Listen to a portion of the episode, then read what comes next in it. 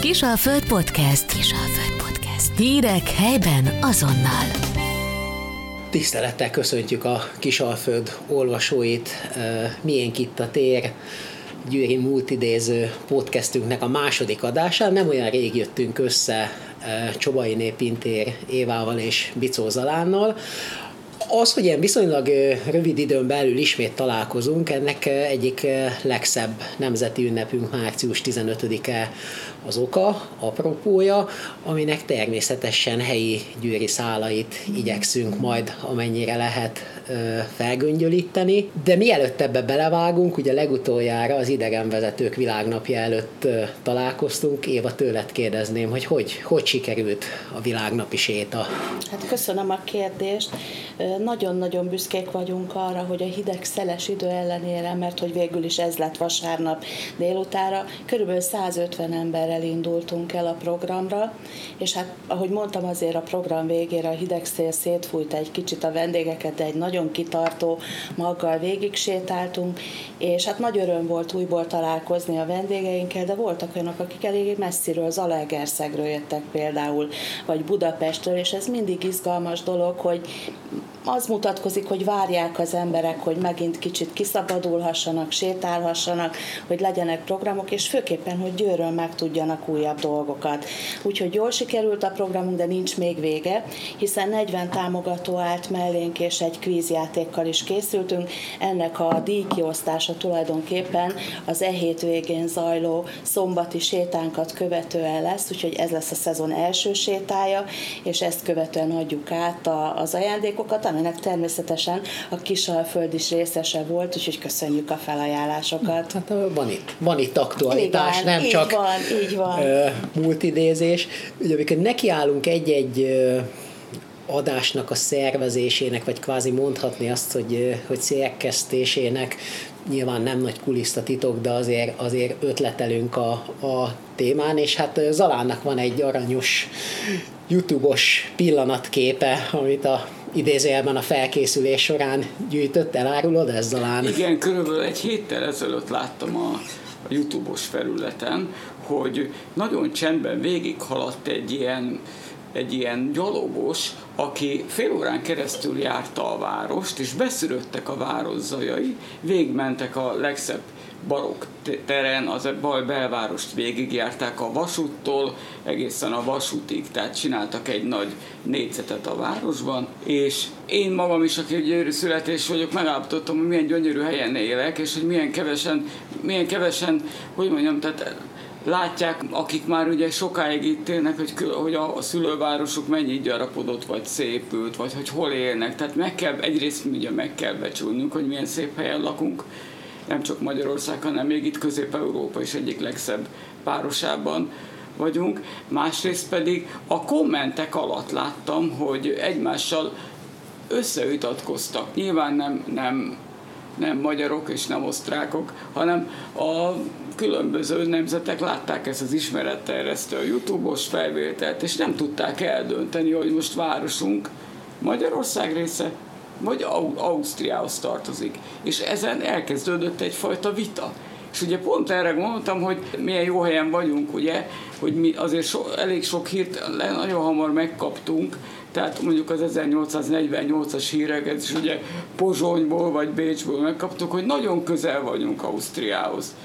Tehát nagyon sok, minden, sok mindent abba a korba, hogy egy nap alatt ide ért a hír, tehát körülbelül azt jelenti, hogy a Győri hazánk elsőként tudósítatott erről az eseményről, vagy, vagy például a jogakadémista fiatalok elsőként léptek be ebbe a ebbe a forradalmi helyzetbe, mert ő hozzájuk sokkal hamarabb odaért, mint az ország más részein lévő Hát ezzel a kis, emberek. kis YouTube-os kommentháborúval gyakorlatilag így helyben is vagyunk, mert hát azért 1848-49 mégiscsak köztünk és az osztrákok között zajlott, úgyhogy azt, azt javaslom, hogy csapjunk is bele ebbe a történelmi korba, ami, ami az, azt gondolom, hogy, hogy erre tényleg igazán büszkék lehetünk, hogyha egy unblock így így az egész reformkort nézzük, mert azért itt olyan, még hogyha el is vesztettük ezt a szabadságharcot, azért itt olyan vívmányokat sikerült célba juttatni, amik, amik azért a maguk idejében több mint fontosak voltak, ha csak például nyelvtörvényt vesszük, ugye, hogy, hogy 1840-es évek elején lett hivatalos nyelvünk a, a magyar, és hát azt javaslom, tudom Zalán, hogy alapból szívecsücske Széchenyi Istvánnak a munkássága, akit ugye legnagyobb magyarként is emlegetünk, és, és azt gondolom, hogy ő, ő tényleg megérdemli, hogy vele kezdjük ezt az adást. Mm, érdekes dolog, hogy, hogy Széchenyinek a, a győri kötődése az gyakorlatilag két vékony szálon érzékelhető, viszont azok nagyon, nagyon, nagyon érdekes szálak, mert hogy az 1809-es kismegyeri csatában ő is küzdött Napóleon serege ellen. Így van, ráadásul hírviből volt, és Véneknél Komárom Fere elvitte a legfrissebb híreket. Azonban visszacsatolva, amit még a nyelvre mondtál, hogy ugye ne felejtsük el, hogy a Hazánk című napilap, vagy heti lap megindult magyar nyelven. Az első, a Fáterland, a Neusser Richard féle Fáterland után megindult Magyarországon egy magyar nyelvű lap, a Hazánk című folyóirat, ugye dr. Kovács Pál vezetésével. Tehát egyrészt oda csatoltam, egy, és másrészt a Széchenyi, ez igaz, tényleg a, tényleg a szívem csücske, más egyrészt ugye van, amikor elnevezték ugye az, az egy a főiskolát, a közlekedés és távközlési főiskolát. Hát ugye nem hiába nevezték el, mert ugye egyrészt van a hatalmas életút, a rengeteg újítás, műszaki újítás, harmadrészt ugye közlekedési miniszter volt a Batyányi kormányban. Tehát mint adódóan ugye közlekedés és távközlés, ezért egyértelműen ugye arra gondoltak 86-tól, hogy legyen elnevezve, akkor még elég forbabontó módon Széchenyiről ez a, ez a főiskola, most már ugye egyetem. Széchenyi úgy is kapcsolódik Győrhöz, hogy a korabeli, korabeli győri vezetőség, amivel én elég behatóan foglalkoztam, ők már 1836-ban Győr diszpolgárával avatták a jeles államférfit, és, és utána pedig még az olvasó, olvasó, olvasó körnek is az egyik tagja lett, és akkor még úgy, úgy is csatlakozik ugye Győr, hogy, Győrhöz, hogy ugye amikor Döblin felé menekült, akkor, akkor pedig itt a Bárányszállóban, Újvárosban egy éjszakát megszállt a felesége, és itt csatlakozott ugye hozzá. Én is, én is kapcsolódnék egy-két dologhoz, még mindjárt a bevezetőhöz, itt az osztrák kapcsolathoz, és hogy milyen városképe van Győrnek. Én a hétvégén sétáltam osztrák vendégekkel, akik Linz környékéről érkeztek, és meglepődnek azon, hogy akár a történelmünkbe mennyi közös szállat tudunk megmutatni, már a barokk időktől kezdődően, hány művész dolgozott itt, akik számára ugye az ausztriai munka és az osztrák vendégek számára, akik számára ez a név sokaság, ez teljesen ismert, tehát már a korábbi idők összefűzték ugye a, a szomszédsággal Győr városát, és, és emelték is a város jelentőségét a barokk időkben, szóval ezek a vendégeim is azt vették észre, hogy hát alig-alig léptek át a határon, és hogy milyen szép a város. Úgyhogy nyilván sokakat ez a hangulat fog egyébként meg, amit ezen a kisfilmen is lehetett valószínűleg látni, úgyhogy nagyon szerencsés a helyzetünk, amikor Győr Győrt szeretnénk bemutatni, hiszen nem csak a történetek, hanem az a hangulat, az a látvány is vonza a vendégeket. Ami ilyenkor a télidőben persze mókás, hogy én egy nagyon népes városról beszélek, de abba a hideg hétvégi időben azért ugye mindenki bekuckózott, és más, a, más az érzés, mint nyáron, amikor inkább már szinte mediterrán hangulatot ér, és itt kanyarodnék rá Széchenyire, és a Széchenyi térre, elárulva azt, hogy állandó tesztkérdésem a sétákon, hogy Széchenyi vagy Széchenyi téren járunk, hiszen ugye a győriek hanyagul Széchenyi térnek nevezik, pedig Széchenyi emlékét, Széchenyi György emlékét, ugye a rendház, a patika őrzi, illetve hát ott az egész egykori jezsuita épület együttes, ugyanakkor a teret valóban 1860-ban Széchenyi Istvánról neveztük el, és minden más ide kapcsolható, nyilván, amit ugye Zalán megemlített, a, a napóleoni történettől kezdve ugye az utolsó Magyarországon töltött éjszakáig, és az, hogy a győriek nagyon számon tartották Széchenyit, ezért hát nem véletlen volt, hogy fontos volt számukra az emlék megőrzése. És most megint rámosolygok ugye ez alára, hiszen egy találkozásunk alkalmával ugye éppen a Városháza dísztermébe mutattuk be azokat a portrékat, amelyek hát történelmi jelentőségűek a városunk életében, és hát ugye gondoljuk meg, ott van Deák, ott van Kossuth, ott van Széchenyi, és hát nyilván még sok személyiség előkerül majd a beszélgetésen, de, de az ő szerepük a városunk életében elvitathatatlan.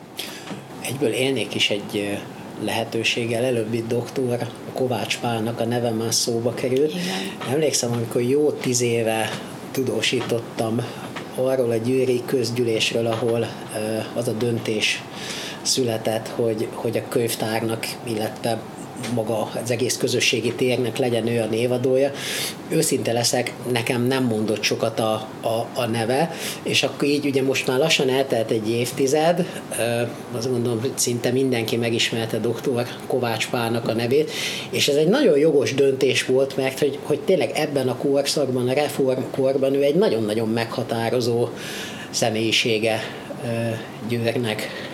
Így van, ugye itt megemlítettük a Hazánk című lapot, a Hazánk című lap jelentősége az országos volt, hiszen az első magyar nyelvű lap volt, aminek az a különlegessége, hogy ráadásul már a forradalmi idők előszelében valóban egy merész húzásként egy német ajkú városban magyar nyelven kezdték megjelentetni.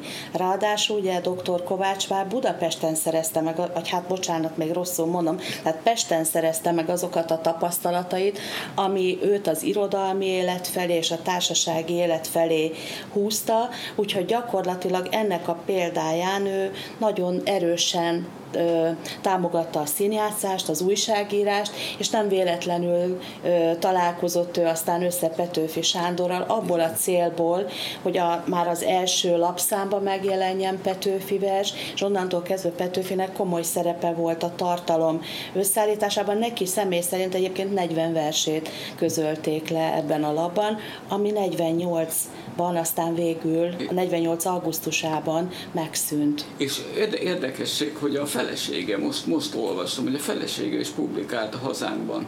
Tehát ez egy ilyen érdekességnek mondtam, így hirtelen. Kiegészítve... Hát legalábbis hogy abban az időszakban azért ez nem, nem, nem nagyon volt még divatos, hogy mondjuk egy hölgy például cikkeket igen, írt volna, igen, gondolom, igen. Ezt, ezt így, így kell érteni. Igen. Tehát ezt a haladó szellemiséget mutatja igen. ez is. Igen sok minden eszembe jutott, még visszakanyarodva Széchenyire, de csak egy tényleg egy pillanatra, a, elnevezték róla a forradalom idején, mert voltak utcanévváltozások, például a főteret, ugye a mai Széchenyi teret, azt elnevezték egységtérnek, mint a Nemzeti Egység. A Kármelita térnek nevezték régen a Bécsi kaputeret.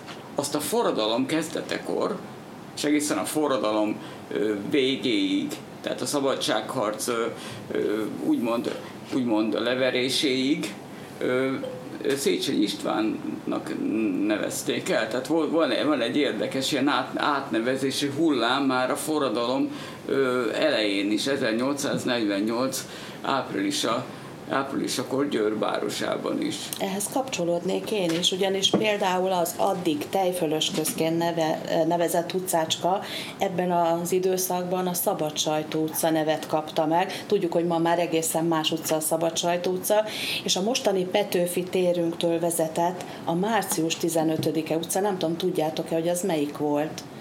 A jelenlegi Kossuth Lajos utcánk. Uh-huh. Tehát, hogy nagyon sok névváltozással találkozunk. Persze a győriek számára tejfölös köz tejfölös köz maradt, de nyilván ott a lap szerkesztése miatt a szabad sajtó nevet kapta meg, ahol dr. Kovács Pál egykori lakóháza található, ahol most már 50 éve ugye ott díszeleg a falon Petőfi Sándor emléktáblája, és egyébként érdekes is, hogy egy picit én is így Petőfit nézegettem meg, érdekes évfordulói vannak, Győri emléke gyermekeinek Petőfinek, ugyanis tíz éve helyezték el például az evangélikus épület együttesen a csempeképét, 50 évvel ezelőtt nagyjából ugye a Móra iskolának az aulájában Kovács Margitnak a, a városról szóló alkotását, ahol szintén főszereplő Petőfi és a hazánk története is.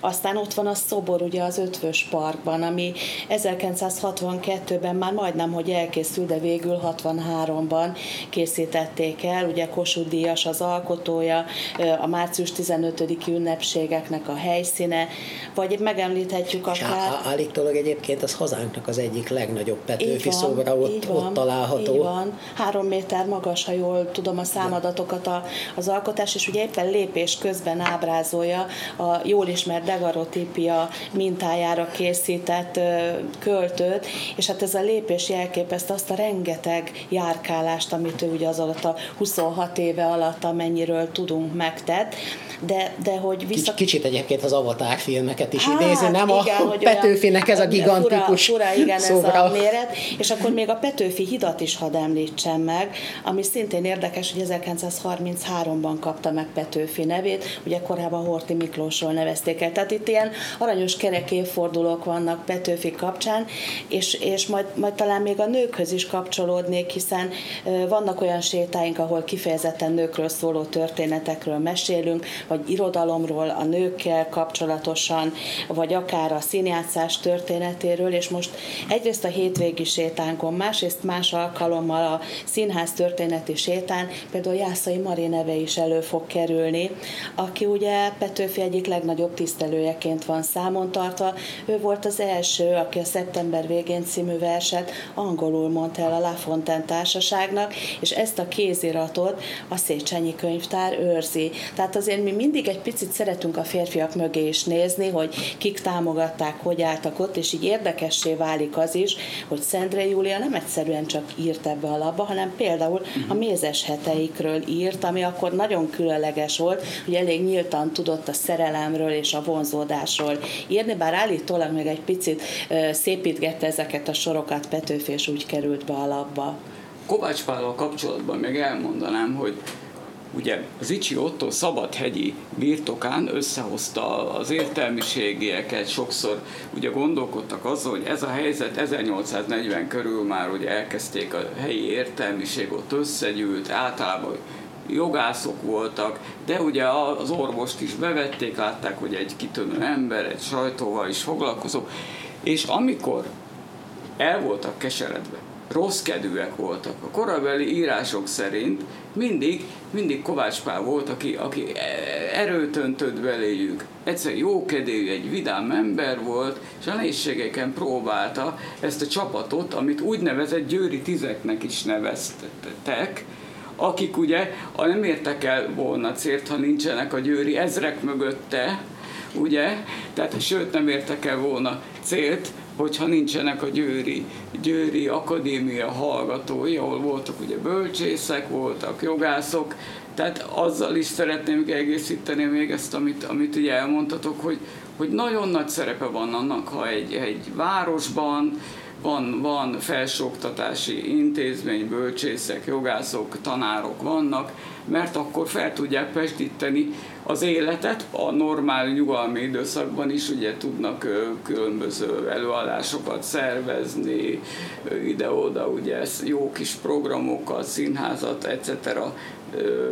kialakítani, és akkor ráadásul itt a forradalmi helyzet, amikor ugye el, elő voltak a tanáraikkal együtt, vonultak, Lukács Sándor volt ugye a, általában a leg, legkülönösebb, a leglánglelkűbb szónok, de a győri tizek közé tartozott például ugye Kálóci Lajos is, akkor, akkor aki ugye Franciaországba került, és onnan került később vissza, vagy, vagy a Kozma Imre nevezetű úr, aki, aki 1800 67-től György polgármestere is lett, tehát miután ők megszenvedték, ez a pár ember, plusz még ugye akikről még nem tudunk, ezek a vezető réteg a győri tizekben, ők ugye ezek, ezek, ezek ugye megszenvedték, mert ugye külföldre kellett menekülniük, de később a forradalom leverése után, persze a Bach és a Schmerling provizórium után ők azért szépen egyre jobban tudtak haladni a hivatali rangléten, és például a Kozma Imrét szeretném különösen megemlíteni, mert hogy ő ugye, amit mondtam, polgármester lett, de ő Angliából hazatelepült 1850-ben, és addig nem lépett ki a lakásából, a Megyáz utcai lakásából, amíg úgymond az önkényuralom el nem tűnik. Ez egy 1860-61-ig tartott, és ő tényleg megfogadta ezt, és a Megyáz út 37 szám alatt ő mint, mint jeles, jeles, általában rengetegen hallgattak rá, ő ezt a fogadalmát betartotta, még a halála, halála gyászjelentésekor 1907-ben is olvastam, hogy, hogy valójában ez egy, ez egy igazolt információ, akkor is beleírt a helyi sajtó. Tehát őróluk például nagyon, nagyon kitűnő eszét, tanulmányokat jelentetett meg dr. Tóth László, a Santus Múzeum volt igazgatója, jeles történész, vagy például a, a Szávai Gyula nevű újságíró, aki megalapította ugye a Győri hírlapot, az már nyilván jóval a forradalom után, tehát egy kitűnő monográfiát állítottak össze, amiben elég nagy szerepe volt az 1848-49-es esztendőknek. Tehát a győri, tize, a győri tizeket mindenképpen meg kell említeni. Igen, nagyon, nagyon klassz kis közösséget alkottak ők. Előbb már szóba került Lukács Sándornak a neve, szerintem róla még mindenképpen ejtsünk szót. Egyfelől ő is nagyon megérdemli, mert ez egy nagyon érdekes ellentmondás, hogy Győrnek az egyik, ha nem a legnagyobb iskolájának, a Lukácsnak a névadója amiről talán sokan nem is, nem is tudják, hogy, hogy ki volt ez a, a Lukács Sándor, és hát ő is 1848-as, 49-es hős, Győri Petőfinek is hívják, bár mondjuk ebben én érzek némi képzavart, mert ugye ő nem költő volt, hanem, hanem ügyvéd, de az biztos, hogy egy nagyon, nagyon Petőfihez hasonló lánglelkű ember, aki, aki, aki kitartott az elvei mellett. Én azt gondolom, hogy azért érdemes róla beszélni, mert tényleg sokan nem is tudják, hogy mihez kösség. És hogyha meg szeretnénk mutatni az ő emlékét, akkor a belvárosba sétálva megtaláljuk az emléktábláját. Ugye mi most legközelebb, majd március 15-én mutatjuk ezt meg, és akkor szoktunk mesélni az ő rövid élettörténetéről, hiszen ö, talán azért emelhetjük ki a Petőfihez való ö, párhuzamosságát, mert hogy mindketten 1823-ban születtek, és ennek a forradalmi eszmélyiségnek a közvetítői voltak. Emellett Lukács ugye kiváló szónok is volt, hiszen a jogi végzettségével azért ő, ő kiemelkedő volt. Mellesleg Zicsi Otto titkáraként is ismerjük őt, ugye 1840 és 42 között végzett a Királyi Jogi Akadémián, és aztán egy kicsit elhagyta Győrt, nem győri születésű egyébként, elhagyta Győrt, és 47-be igen, úgy emlékszem, 1847-be került vissza, amikor már Zicsi Otto titkáraként emlegetjük. Na most nyilván az ő rövid története ott fejeződik egyébként be, hogy hát egy számos beszédet mondott, lelkesített, a tizek tagja volt, ugye ez egy hosszabb történet lenne erről beszélni, de 1849-ben ő emigrált, és az hozta vissza Európába, hogy súlyos tüdőbetegsége lett, és kezeltetni szerette volna magát, de csak Dél-Franciaországig jutott, és ott sajnos meghalt. Mellesleg a felesége is Győri volt, akiről keveset szoktunk beszélni, úgyhogy számos alkalom van még, hogy az ő különlegességéről beszéljünk, de szerintem a forradalmi eszméknek a, a gyors közvetítése, a fiatalok megnyerése és az életkora az, amivel Győri Petőfiként gondolhatunk Igen. rá. Tehát egy vagány, vagány srác Igen. volt a Lukács. Hát azért Pozsonyba, Igen. ez is egy emlékezetes momentum, hogy 200 győri lovassal Igen igen. tért be, és gyakorlatilag mégiscsak ott demonstrálta a magyar ügyet, még ha békésen is, de azt gondolom, hogy azért ez, ez eléggé bátor cselekedet volt. Igen, és egyrészt elmondhatjuk, hogy nekem veszőparipám mindig a jó akadémia, hogy majdnem mindenki a jó akadémián végzett. Tehát ö, ott olyan minőségű... És ő sem kivétel. És ő sem kivétel, olyan minőségű oktatás folytott és olyan minőségi oktatók voltak, akik az 1848-49-es forradalom után megszenvedték. Volt például a, a Karvasi nevezetű történész, vagy a Konek Sándor nevű statisztikatanár, akik ugye kidobták az állásukból 1850-ben a forradalom ö, szabadságharc támogatásáért. Meg, megszűnt az iskola. Tehát ugye először a jogi, mert ugye a jogászok nagyon benne voltak ebben, később egy, éve, egy évet hagytak a 1850-ig a bölcsészeknek, tehát ők ezt megszenvedték, de az idő igazságot szolgáltatott. Mert ők például az egyik rektor lett, másik, mind a kettő jogi kar dékánja lett, egyik pedig még rektor is lett, meg MTA tagja. Tehát ezek olyan, egyrészt nevelték azok a fiatalságot, másrészt olyan minőségű fiatalokat, olyan gondolkodó embereket, emberfőket bocsátottak útjukra, akik, akik, akik vitték a vállukon a forradalmat. Éva, azt mondd el még, légy szíves, hogy Győrt az magyar, magyar Márszájként is emlegetik a, a 48-49-es események kapcsán. Mi ennek a, a, a története? Mi véget kapta meg ezt a jelzőt városunk? Szávai Gyula írta le egyébként az írásában konkrétan ezt a kifejezést, és itt a, annak köszönhetően, hogy a forradalmi eszmék már március 15 előtt megérkeztek a városunkba, és itt némi párhuzamot vonnak a, a francia forradalom és Franciaország kapcsán. Itt elsősorban arra utalunk, hogy nagyon komoly szerepe volt a városunknak a forradalmi időkben, fel lehet zárkóztatni a pesti eseményekhez a győri eseményeket. Eszembe jutott, hogy, hogy három jelentős napló készült ebben, ebben az időben. Az egyik az Ekker János fél napról, leteltetlen, a kiadta a megyei könyvtár az 1970-es években, 50 évig írta, és most kevés maradt fenn belőle, de pont az 1848-49-es események nagyon érzelemgazdagon, nagyon, nagyon olvas, olvashatóan, persze németül írta, de lefordították, tehát a mai nap is lehet olvasni, leteltetlen, nagyon jó, nagyon jó stílusban írt. A másik a Burda Ferencné féle napló, aki, aki püspöki jószágigazgatónak volt a, a felesége, szintén kiadni kellene, mert a 70-es, 80-as években erről írtak, hogy leírta az eseményeket. Ez nem tudom, vagy a megyei levéltárban, vagy valahol lehet. Nagyon fontos információkat tartalmaz, mert én láttam, hogy mik, miket, hogyan idézték. A harmadik pedig ugye a Szántó Mihály féle napló, az is, az is megérni, hogy felkutassák, mert, mert szintén az ember tud róla, de még, még se tudja, hogy pontosan mi, mi történt vele, vagy hova került.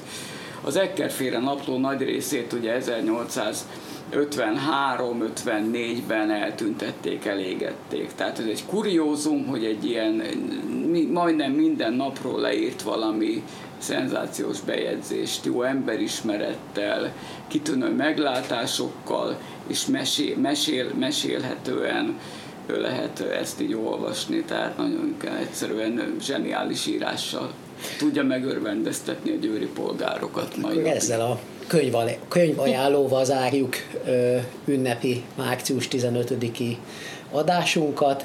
Sétaajánlóval is azért természetesen. Így van. Hiszen van, aki olvasni szeret, mi pedig megmutatni azokat a helyeket, amik a március 15-i eseményekhez, a forradalmi időszakhoz kapcsolódnak, és azt nem fogjuk elmulasztani ebben az évben sem, március 15-én. Nagyon jól teszitek, köszönjük a figyelmet, és innen folytatjuk valamikor szerintem húsvét után. Köszönjük, Köszönjük a figyelmet. szépen!